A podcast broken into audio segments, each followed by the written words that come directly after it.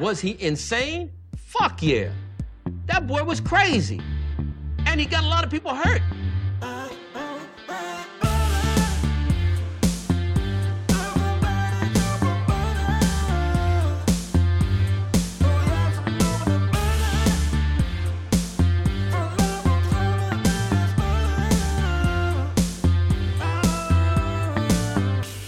He doesn't like butter. I fucking love butter.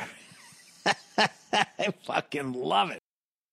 What's up, motherfuckers? Welkom bij een nieuwe aflevering van de Zonde van Je Tijd podcast. Een podcast waarin ik niet alleen mijn eigen tijd, maar ook uw hele kostbare tijd ga verdoen met absolute onzin. Ik hoop dat deze podcast u uiteraard treft in een blakende gezondheid.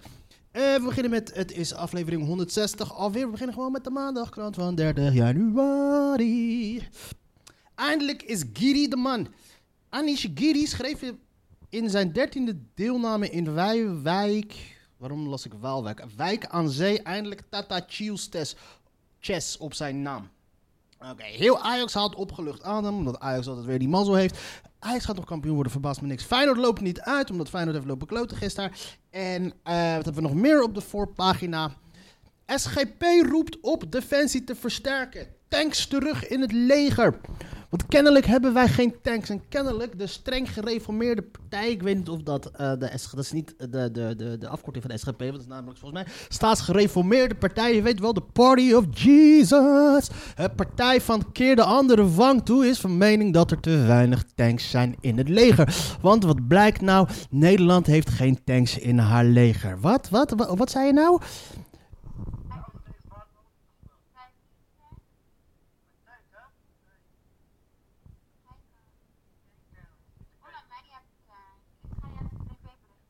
Ola, Nederland maar heeft tank.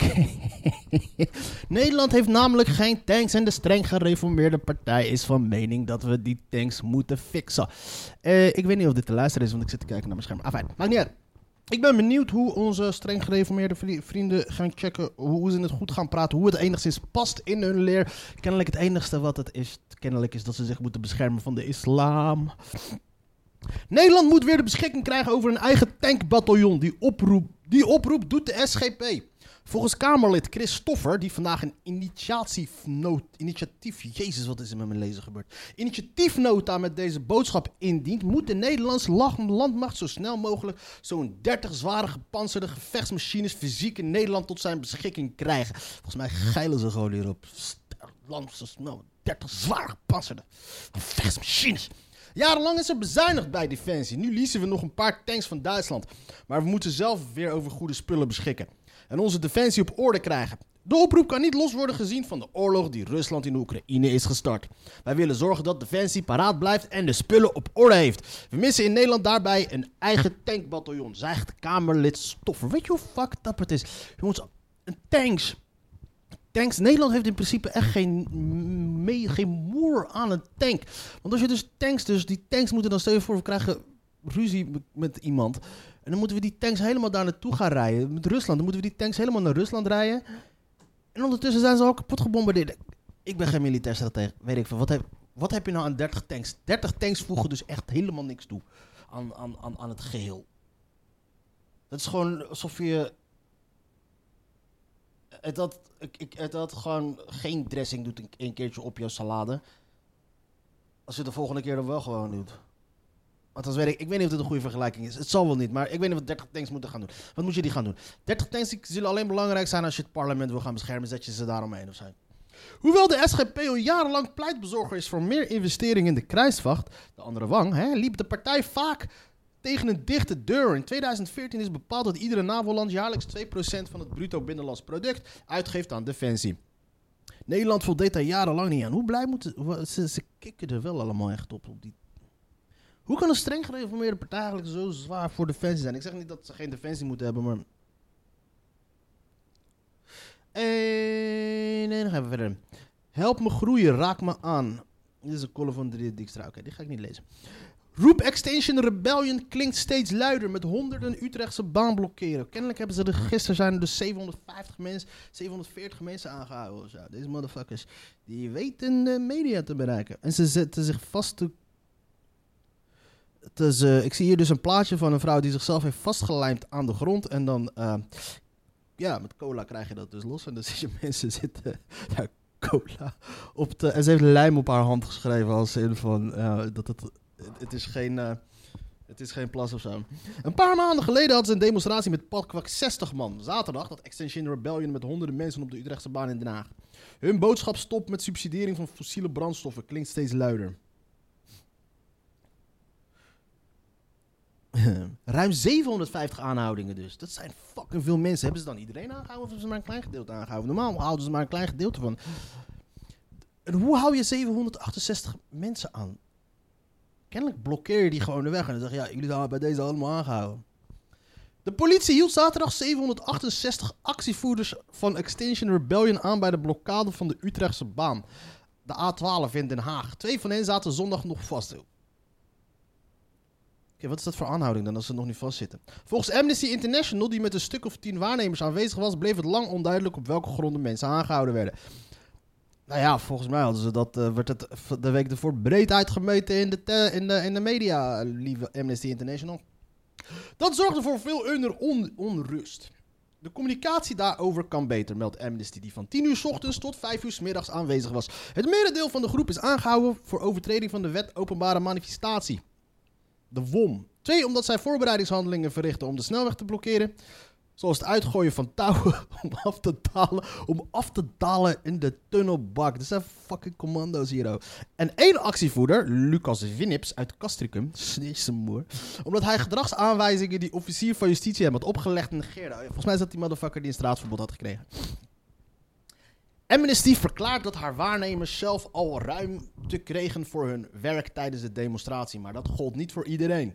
Een paar journalisten is gevorderd en meegenomen naar bureau. Gaan we ook journalisten aanhouden tegenwoordig? Oké. Definitieve conclusies over het verloop? Oké. Lucas Winnips overtuigd dat ik in mijn recht sta.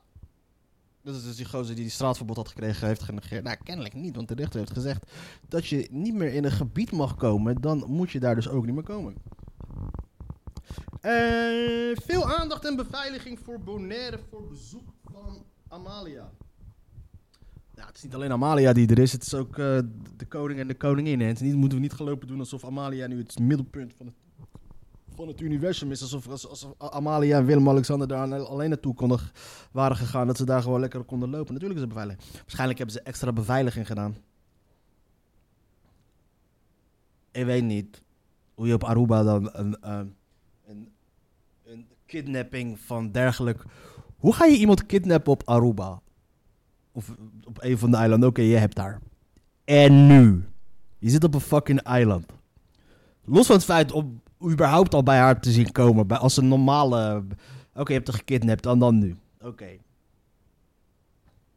Het bezoek van prinses Amalia, koning Willem-Alexander en koningin Maxima aan het Caribische deel van, de van Nederland bracht een hoop teweeg op Bonaire. De eerste bestemming van de zes eilanden die ze aandoen. Veel toeristen kwamen op het bezoek af.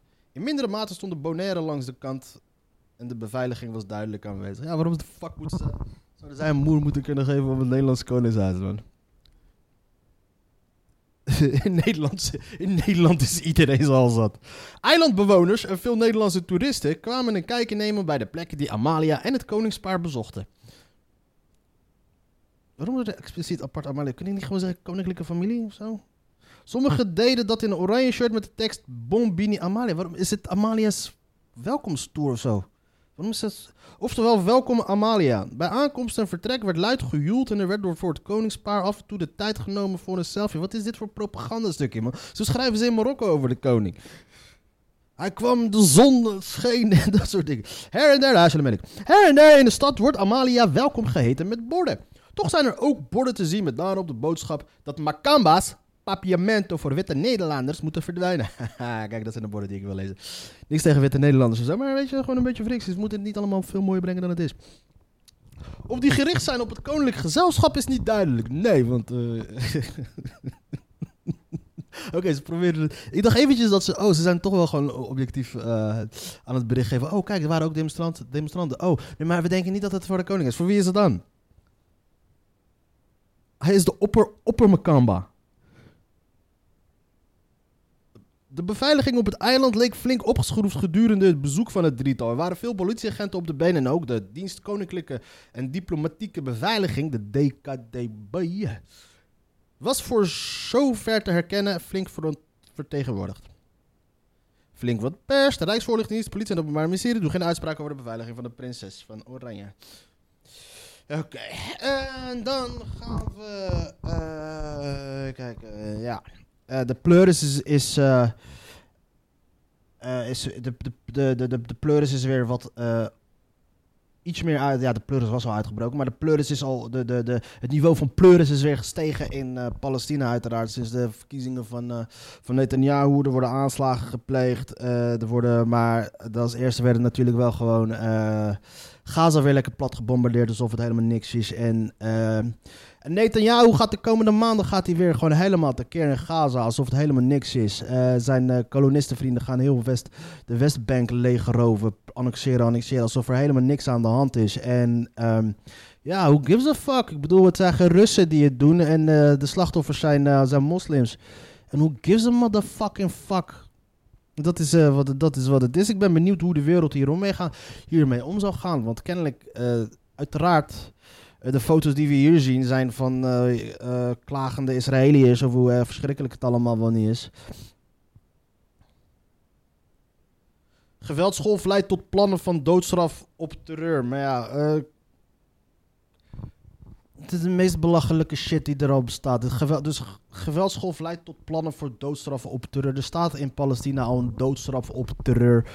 Want het moment dat er een, een, een tussen aanhalingstekens terroristische daad plaatsvindt, worden er mensen dodelijk gestraft in Gaza. Vrouwen, kinderen, bejaarden, het interesseert iemand abs- absoluut niemand. Dus theoretisch gezien staat er dat er niet, maar de doodstraf is er al in Palestina. Letterlijk voor het wonen in Gaza kan je al de doodstraf voor krijgen.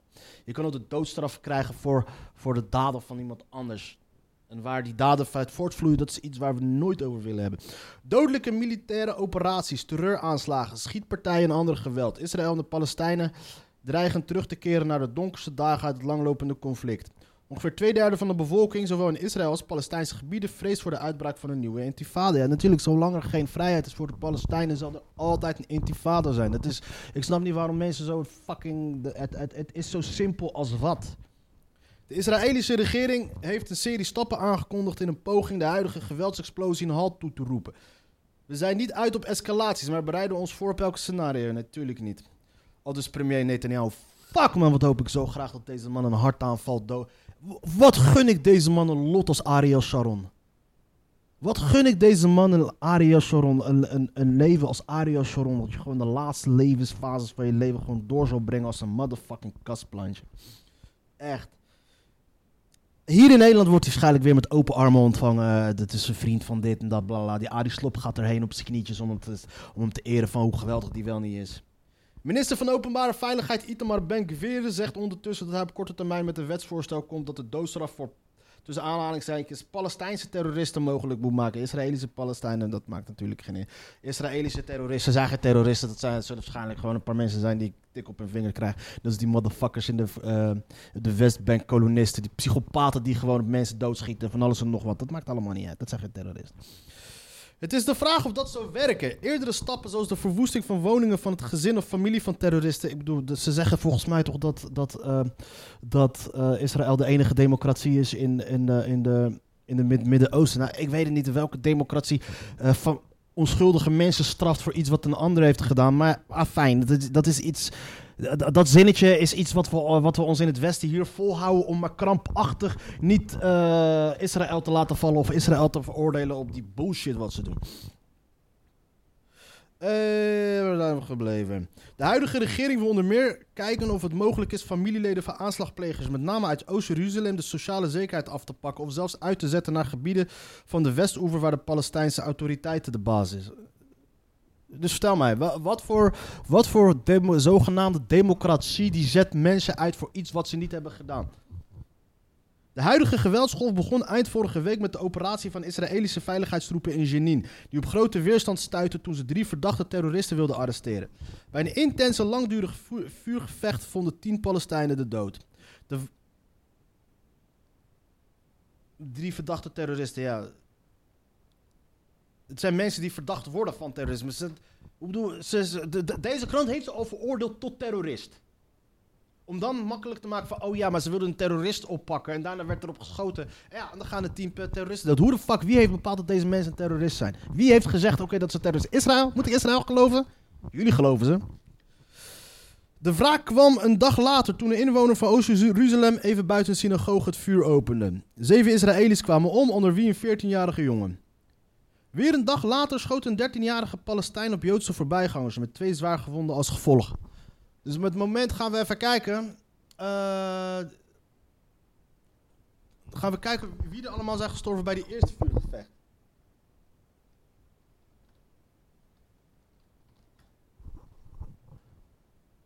Eh, even kijken hoor. Oké, vier dagen geleden. Negen Palestijnen. 16 anderen zouden gewond geraakt. Ja, ik, ik moet ook niet naar, eh, naar de westerse media kijken.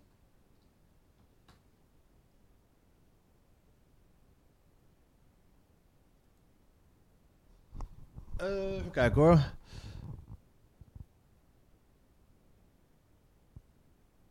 Eh, januari 26.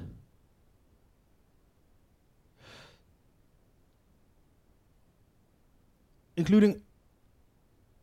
Dus at least nine Palestinians, inclusief een elderly woman, have been killed in Israel. Dus dit is dan een website van palestinacomité.nl.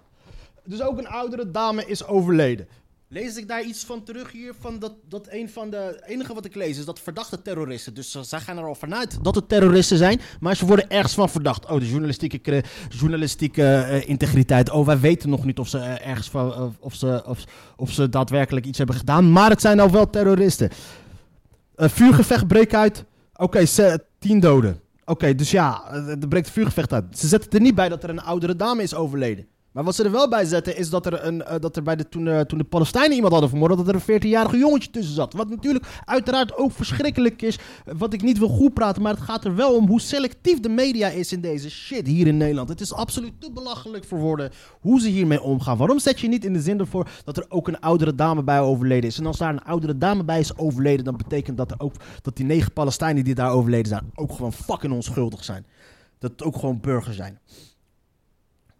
Er waren nog tal van andere geweldsincidenten waardoor de spanningen inmiddels om te snijden is. Met name in Jeruzalem en op de westelijke Jordaanoever. De Amerikaanse minister van Buitenlandse Zaken Anthony Blinken zal deze week vol aan de bak moeten om de gemoederen tot bedaren te brengen. Hij arriveert maandag in Israël en brengt ook een eh, bezoek aan Ramallah, de Palestijnse stad op de westelijke Jordaanover. Ja, zolang dat er nog eh, Ramallah blijft, aangezien die motherfuckers alles leger over wat er is. Naast het geweld zou ook de situatie rond Iran op de agenda. Dat is de enige reden waarom je daar bent, Iran. En, want de Palestijnen interesseren jullie geen reet. Volgens de berichtgeving van de Wall Street Journal voerde Israël afgelopen weekend een droneaanval uit op een wapenfaciliteit van de Iraanse stad Isfahan. Campagne. Het Israëlisch-Palestijnse conflict heeft echte prioriteit. Sure. 2023 is nog geen maand oud, maar er zijn nu al zeker 35 Palestijnen gedood op de westelijke Jordaanoever. De geweldsgolf begon eigenlijk in het voorjaar van vorig jaar toen Palestijnen reeds dodelijke aanslagen uitvoerden. Ja, dus dat is het begin kennelijk dus. Israël begon daarna een, campagne om de militaire groepen op de Westoever klappen toe te brengen.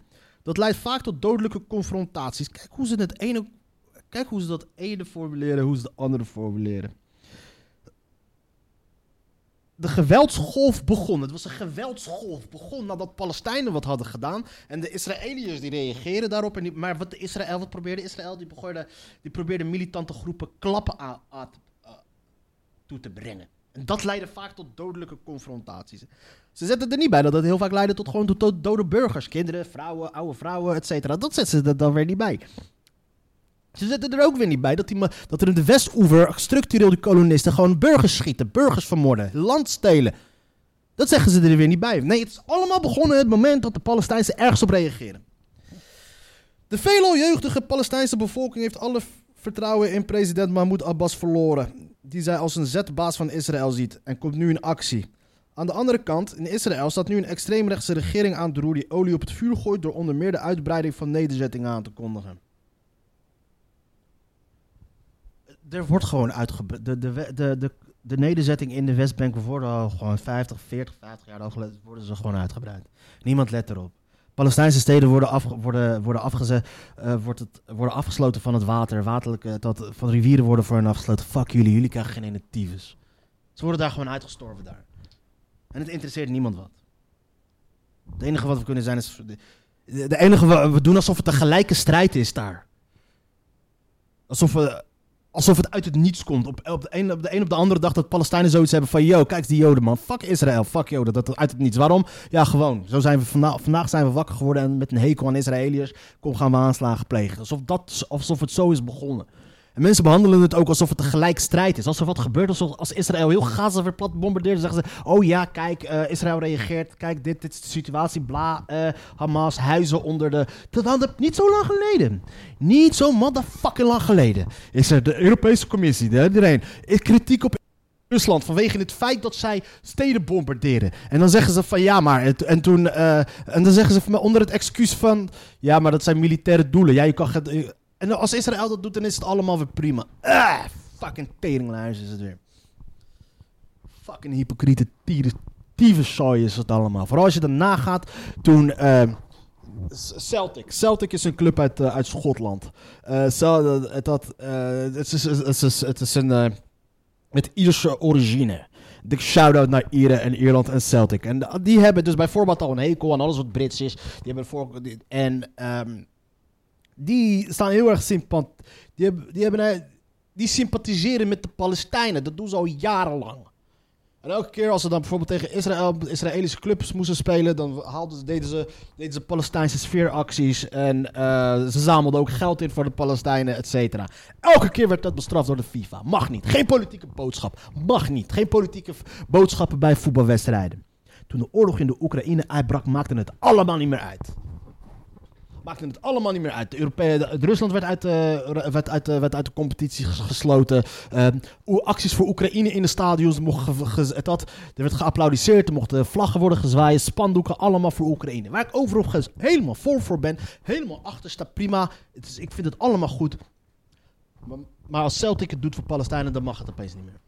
Dat is de hypocrisie. Hypocriete wereld waarin we zitten. En dan vragen mensen zich af waarom... eh, Ah, fijn. Waarom was eigenaar niet open over illegale bewoning? Ja, omdat het motherfucking illegaal is. Wat de fuck denk jij dan? La. Ex-generaal Pavel, president Tsjechië. Pavel is echt de meest Tsjechische naam die er maar op staat. Petr Pavel. De gepensioneerde generaal Petr Pavel, ik weet niet, heeft zaterdag de Tsjechische presidentsverkiezingen gewonnen van oud-premier Andrei Babis.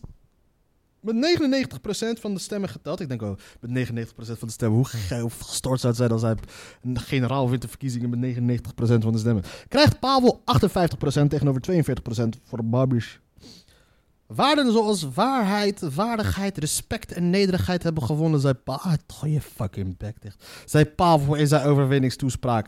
Ik ben ervan overtuigd dat deze waarden door de overgrote meerderheid van ons gedeeld worden. Dus dan wil je dan zeggen dus dat de mensen die niet op jou gestemd hebben, waar jij dus ook de premier van wordt, geen waarde hechten aan waarheid, waardigheid, respect en nederigheid. Oké, ik weet niet wie die andere tegenstander was. Misschien eh, kwam hij daar openlijk vooruit dat hij zei eh, fuck waarheid, fuck waardigheid. Eh, misschien kwam hij er openlijk vooruit dat hij, dat hij eh, geen waarde hechtte aan de waarheid. Maar ja, aan de andere kant vraag ik me af, ja, als hij geen waarde hecht aan de waarheid en hij zegt dat, in hoeverre moet ik dat gaan, is dat dan überhaupt dan de waarheid? Babis heeft zijn Nederlandse nederlaag toegegeven, hij feliciteerde de uit-provincie. Ja, is gewoon een hele aardige gozer. Hij ma- deze motherfucking generaal maakt hem uit voor een, voor leugenaar en eh, een opschepper. Ook huidig Tsjechisch premier Petr Fiala heeft Pavel gefeliciteerd. Oké.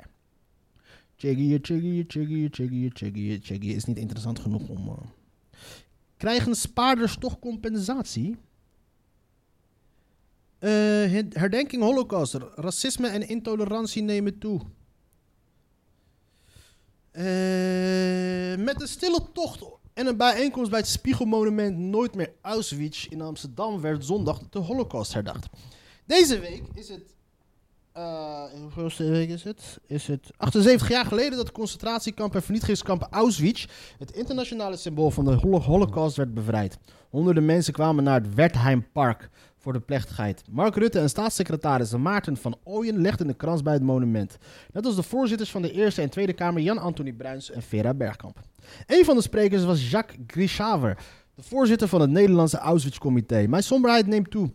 Jodenhaat steekt de kop op en racisme en intolerantie nemen toe, om verdrietig van te worden. Daarbij refereerde hij aan de racistische uitingen die tijdens Oud en Nieuw op de Erasmusbrug in Rotterdam. Het is eh, crisis en we hebben een polariserende regering. Alles afschuiven op de regering. Trump trampt schuimbekkend campagne-president af. Trump is gewoon een fucking legend. Een dikke shout-out naar, eh, naar Donald Trump. Zijn, zijn narcisme, zijn eh, level van scheid hebben is zo legendarisch dat ik er gewoon echt respect voor heb. Hij was laatst bij, eh, vorige week of zo, was hij bij een, eh, een begrafenis van twee van zijn supporters. Eh, Van, van, ehm, van een dame, dat was, die was onderdeel van Diamond and Silk. Dat waren echt twee Afro-Amerikaanse dames, waren, waren echt fanatieke Donald Trump fans. Eén van hun is overleden. En hij mocht daar de eulogy houden, weet je. De, de, de, hij mocht daar een speech houden. Normaal wat je dan doet is gewoon, het gaat over die dame die je dan hebt. Je gaat haar lopen eren, weet je, wat voor bijdragen, wat, voor wat zij voor jou heeft betekend. Je gaat fijne, leuke herinneringen naar boven halen. Je gooit er af en toe een grap tussen om de, om de, om de, om de, om de sfeer wat op te lichten. Weet je, je, je het, het, het zijn meestal gewoon, eh, eh, je herdenkt daar iemand. Het zijn vaak, eh, je probeert daar in, een hele nare situatie, probeer toch nog een, eh, een ode te brengen op een hele fijne manier. Maar niet Donald Trump. Donald Trump die had scheid. Donald Trump die ging het daar gewoon hebben over zichzelf. En het was gewoon fucking legendarisch. En ik kijk nu al uit naar de Amerikaanse verkiezingen. Ik kijk ten eerste uit naar de voorverkiezingen. De Amerikaanse voorverkiezingen. Dat wordt de allergrootste shitshow aller tijden. Met Donald Trump. Dat wordt een gigantische shitshow. Dat wordt een bloedbad. Ik kijk er zo erg naar uit. Ik, ik, oh man, dit wordt geweldig. Dit wordt de allerbeste shit. Dikke shout-out naar Donald Trump. De fucking lijpste Amerikaanse president aller tijden. Ehm, maar kennelijk trapt hij dus schijnbekkend zijn eh, campagne af. Dan gaan we even kijken. Eh, wat heeft hij allemaal gezegd? De voormalige Amerikaanse president is zaterdag begonnen aan zijn campagne om opnieuw in het Witte Huis te komen. De 76-jarige deed dat voor een klein publiek. Hij sprak in de staten New Hampshire en South Carolina voor zijn zo'n 200 mensen. Kijk hoor, het is nu dus eh, 30 januari 2023. De verkiezingen zijn dus eh, in de 1 november of de 3 november van, eh, van nove- dinsdag van november bedoel ik. Althans, dat is eh acht maanden nog. Dus dat is 20 maanden. 20 maanden Donald Trump. 20 maanden campagne voeren. 20 maanden Donald Trump op zijn best. En dat is namelijk Donald Trump in campagnemodus. Je mag zeggen van die gast wat je wilt. Hij, is, hij, kan speechen. Hij kan, en met hij kan goed speechen bedoel ik dat hij een zaal aan zich kan, eh, kan binden. Mensen, als hij in een zaal staat, mensen gaan luisteren. Hij kan heel goed een zaal aanvoelen. Eh, Het, het, het is gewoon het is gewoon één grote shitshow die ik gewoon geweldig vind. En waar ik naar aankijk. En dat wordt gewoon 20 maanden Donald Trump op campagnemodus. De voormalige president kan deze keer op minder steun rekenen van zijn eigen Republikeinse partij, waarbinnen verschillende kopstukken van plan zijn ook een gooi te doen naar de presidentschap. Onder meer de gouverneur van, van New Hampshire overweegt een eigen campagne. Trump gaf in een van zijn toespraken flink af op leden van de Republikeinse partij die zich niet trouw aan hebben getoond. Ik doesn't give a fuck. Hij is gewoon Lo- Lodewijk de 16e, jongens. Eh, you bent de knee. Hij is net, als gewoon, eh, hoe heet die, hoe heet bitch ook weer, Daenerys. Bend de knee, anders word je voor de daken gegooid. Trump sprak zich verder uit tegen transgenderrechten en de kritische rassentheorie, de critical race theory. De situatie rond de effecten. Ik ga die speech zo even opzoeken, want ik ben wel benieuwd naar die gekke speech van hem. Gevaar werd onderschat van wat? Ramp belicht... Oh ja, de watersnoodramp. Guus Meeuwis mag chef worden, vindt Evelien Woe. Oké, who gives a. Azen op NK Showdown. Oh ja, dat is het. eh, Oké, het Nederlands kampioenschap Showdown. Nice. Kunnen, kunnen dik. Dat is dat. eh, dat je dan met zo'n. eh, soort. tafel ijshockey of zo. Dicht bij Nirvana in Kraakpand. Eh, dit is de hertenkamp zonder herten. Rare zaak. De hertenkampen gaan eh, allemaal weg. Dus. eh,